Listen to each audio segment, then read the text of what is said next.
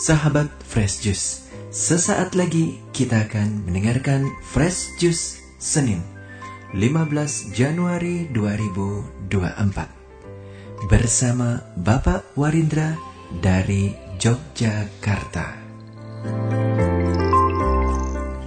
Kami juga ingin menginformasikan bahwa Fresh Juice akan mengadakan siarah bersama ke Holy Land tanggal 9 sampai 20 Maret 2024. Keberangkatan dari Jakarta bersama Romo Vincent Widi MGL dan keluarga Yofi Natasa dan Joshua. Pendaftaran terakhir di akhir Januari ini. Siarah ini diselenggarakan oleh Holy Global Tour.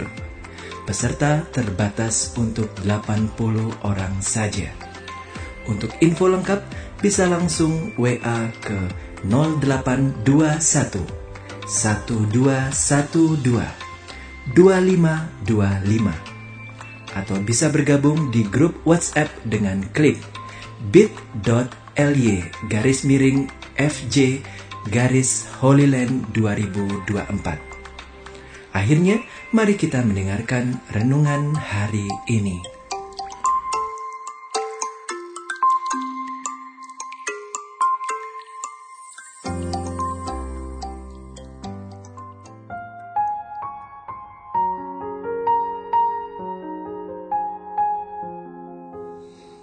Sahabat Fresh berkah dalam.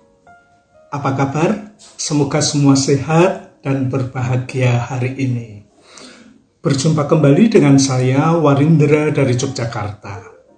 Marilah kita dengarkan sabda Tuhan hari ini, Senin 15 Januari 2024. Inilah Injil suci Tuhan kita Yesus Kristus menurut Santo Markus. Bab 2 ayat 18 sampai 22. Hal berpuasa. Pada suatu kali ketika murid-murid Yohanes dan orang-orang Farisi sedang berpuasa, datanglah orang-orang dan mengatakan kepada Yesus, "Mengapa murid-murid Yohanes dan murid-murid orang Farisi berpuasa, tetapi murid-muridmu tidak?" Jawab Yesus kepada mereka, "Dapatkah sahabat-sahabat mempelai laki-laki berpuasa sedang mempelai itu bersama mereka?" Selama mempelai itu bersama mereka, mereka tidak dapat berpuasa.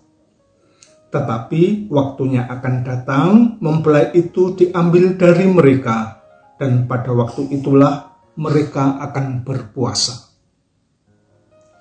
Tidak seorang pun menambalkan secarik kain yang belum susut pada baju yang tua.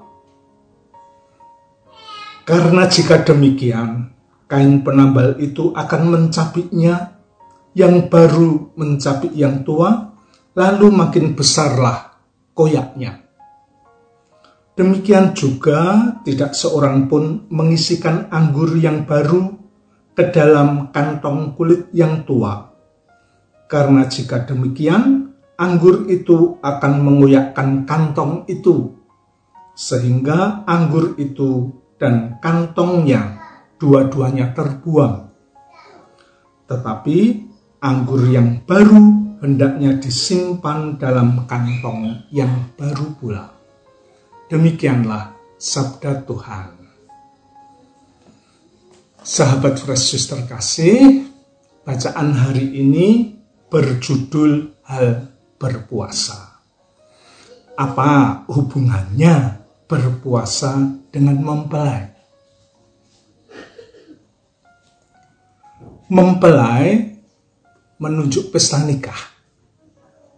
Dan pesta nikah identik dengan makan dan minum. Begitulah lazimnya. Namun ketika menikah, kami tidak mengadakan pesta di gedung resepsi. Hanya pesta ekaristi di gereja saja. Bukan karena pelit, atau mau hemat, namun sungguh karena kami tidak punya cukup biaya untuk merayakan pesta di gedung resepsi. Maklum, kami menikah tahun 1998, tahun krisis moneter yang disusul krisis ekonomi. Angka rupiah yang dikumpulkan jadi tidak cocok lagi kami juga berpikir, kasihan kalau mengundang saudara, kerabat, dan teman-teman. Maklum, undangan nikah itu identik dengan sumbangan. Maka kami tidak membuat undangan nikah, kami membuat pemberitahuan nikah. Itu kami umumkan di kantor tempat saya bekerja, di pertemuan RT dan RW tempat kami tinggal, di pertemuan lingkungan, juga di paroki kami. Biar tidak membebani, saya sampaikan juga jangan menjadi repot hanya karena kami menikah. Kehadiran Anda menjadi satu-satunya kado bagi kami kalau berhalangan hadir, doa cukup bagi kami. Siapa yang mau datang? Tidak menghormati orang lain. Itu komentar beberapa kerabat. Syukurlah puji Tuhan pada hari H gedung gereja kami penuh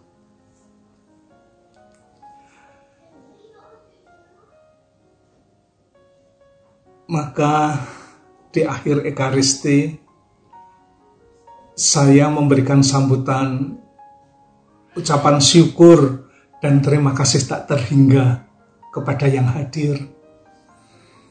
Sambil tak lupa bilang begini, di halaman gereja kami sediakan snack dan minuman untuk melepas dahaga. Semoga bisa diterima dan mohon maaf kalau ternyata jumlahnya tidak mencukupi.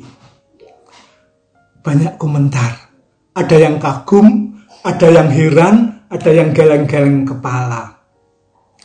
Sudah menjadi kelasiman bahwa pernikahan selalu dirayakan dengan pesta makan dan minum.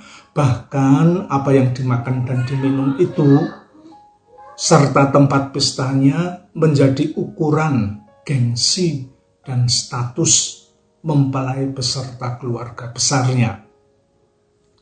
Karena itulah tidak lazim kalau kita berpuasa yang artinya tidak makan dan minum, sementara ada mempelai yang artinya identik dengan pesta.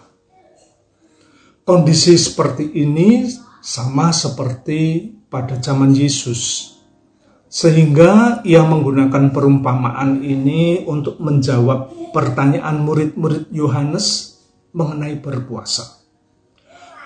Bagaimana murid-murid Yesus bisa berpuasa kalau mempelai ada bersama dengan mereka? Sahabat Yesus terkasih, perjanjian lama menggambarkan hubungan Allah dengan umatnya sebagaimana hubungan suami istri. Meneruskan pandangan perjanjian lama itu, Santo Paulus dengan lebih tegas merumuskan hubungan Yesus dengan gereja sebagai hubungan suami istri. Yesus mewujud nyatakan cinta Allah itu yang kedatangannya dinantikan orang Israel dengan berdoa dan berpuasa ada pemahaman di kalangan umat perjanjian lama bahwa berpuasa adalah tindak kesalehan yang mesti dilakukan untuk menyambut kedatangan kerajaan Allah. Pada zaman Yesus, hal berpuasa lazim dipahami begitu. Yohanes Pemandi berpuasa amat berat di padang gurun. Murid-muridnya pun juga berpuasa secara berat berpuasa lebih berat dari yang dituntut oleh hukum Taurat lazim dilakukan pada waktu itu, seperti dilakukan oleh orang-orang Farisi.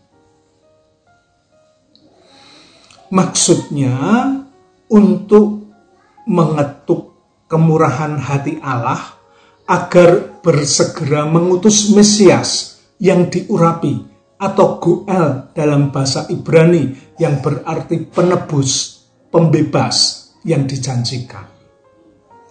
Dipahami dalam konteks itu, teguran orang-orang kepada Yesus itu justru menunjukkan bahwa mereka tidak mampu melihat bahwa kerajaan Allah sudah tiba, sedang mengada di tengah mereka mereka tidak menyadari bahwa zaman Mesias sudah mulai. Yesuslah sang mempelai itu. Kalau demikian, untuk apa berpuasa? Tidak ada lagi yang perlu dinanti dengan berpuasa. Sahabat Yesus terkasih, pesan bacaan hari ini tentu bukan soal berpuasa tapi soal kepekaan menemukan dan merasakan kehadiran Tuhan. Ia sudah di sini, kenapa kamu masih mencari-cari? Jangan beralasan susah menemukan Tuhan. Ia maha murah, ia maha adil.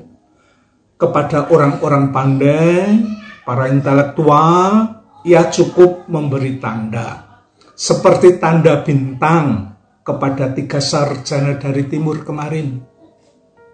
Kepada orang-orang yang sederhana, ia memberitahukan secara langsung. Seperti kepada para gembala pada malam Natal. Kita tinggal membuka hati menyambut kedatangannya dalam setiap langkah hidup kita. Amin. Berkah dalam. Sahabat Fresh Juice, kita baru saja mendengarkan Fresh Juice Senin 15 Januari 2024. Terima kasih kepada Bapak Warindra untuk renungannya pada hari ini. Sampai berjumpa kembali dalam Fresh Juice edisi selanjutnya. Tetap semangat jaga kesehatan, dan salam fresh juice.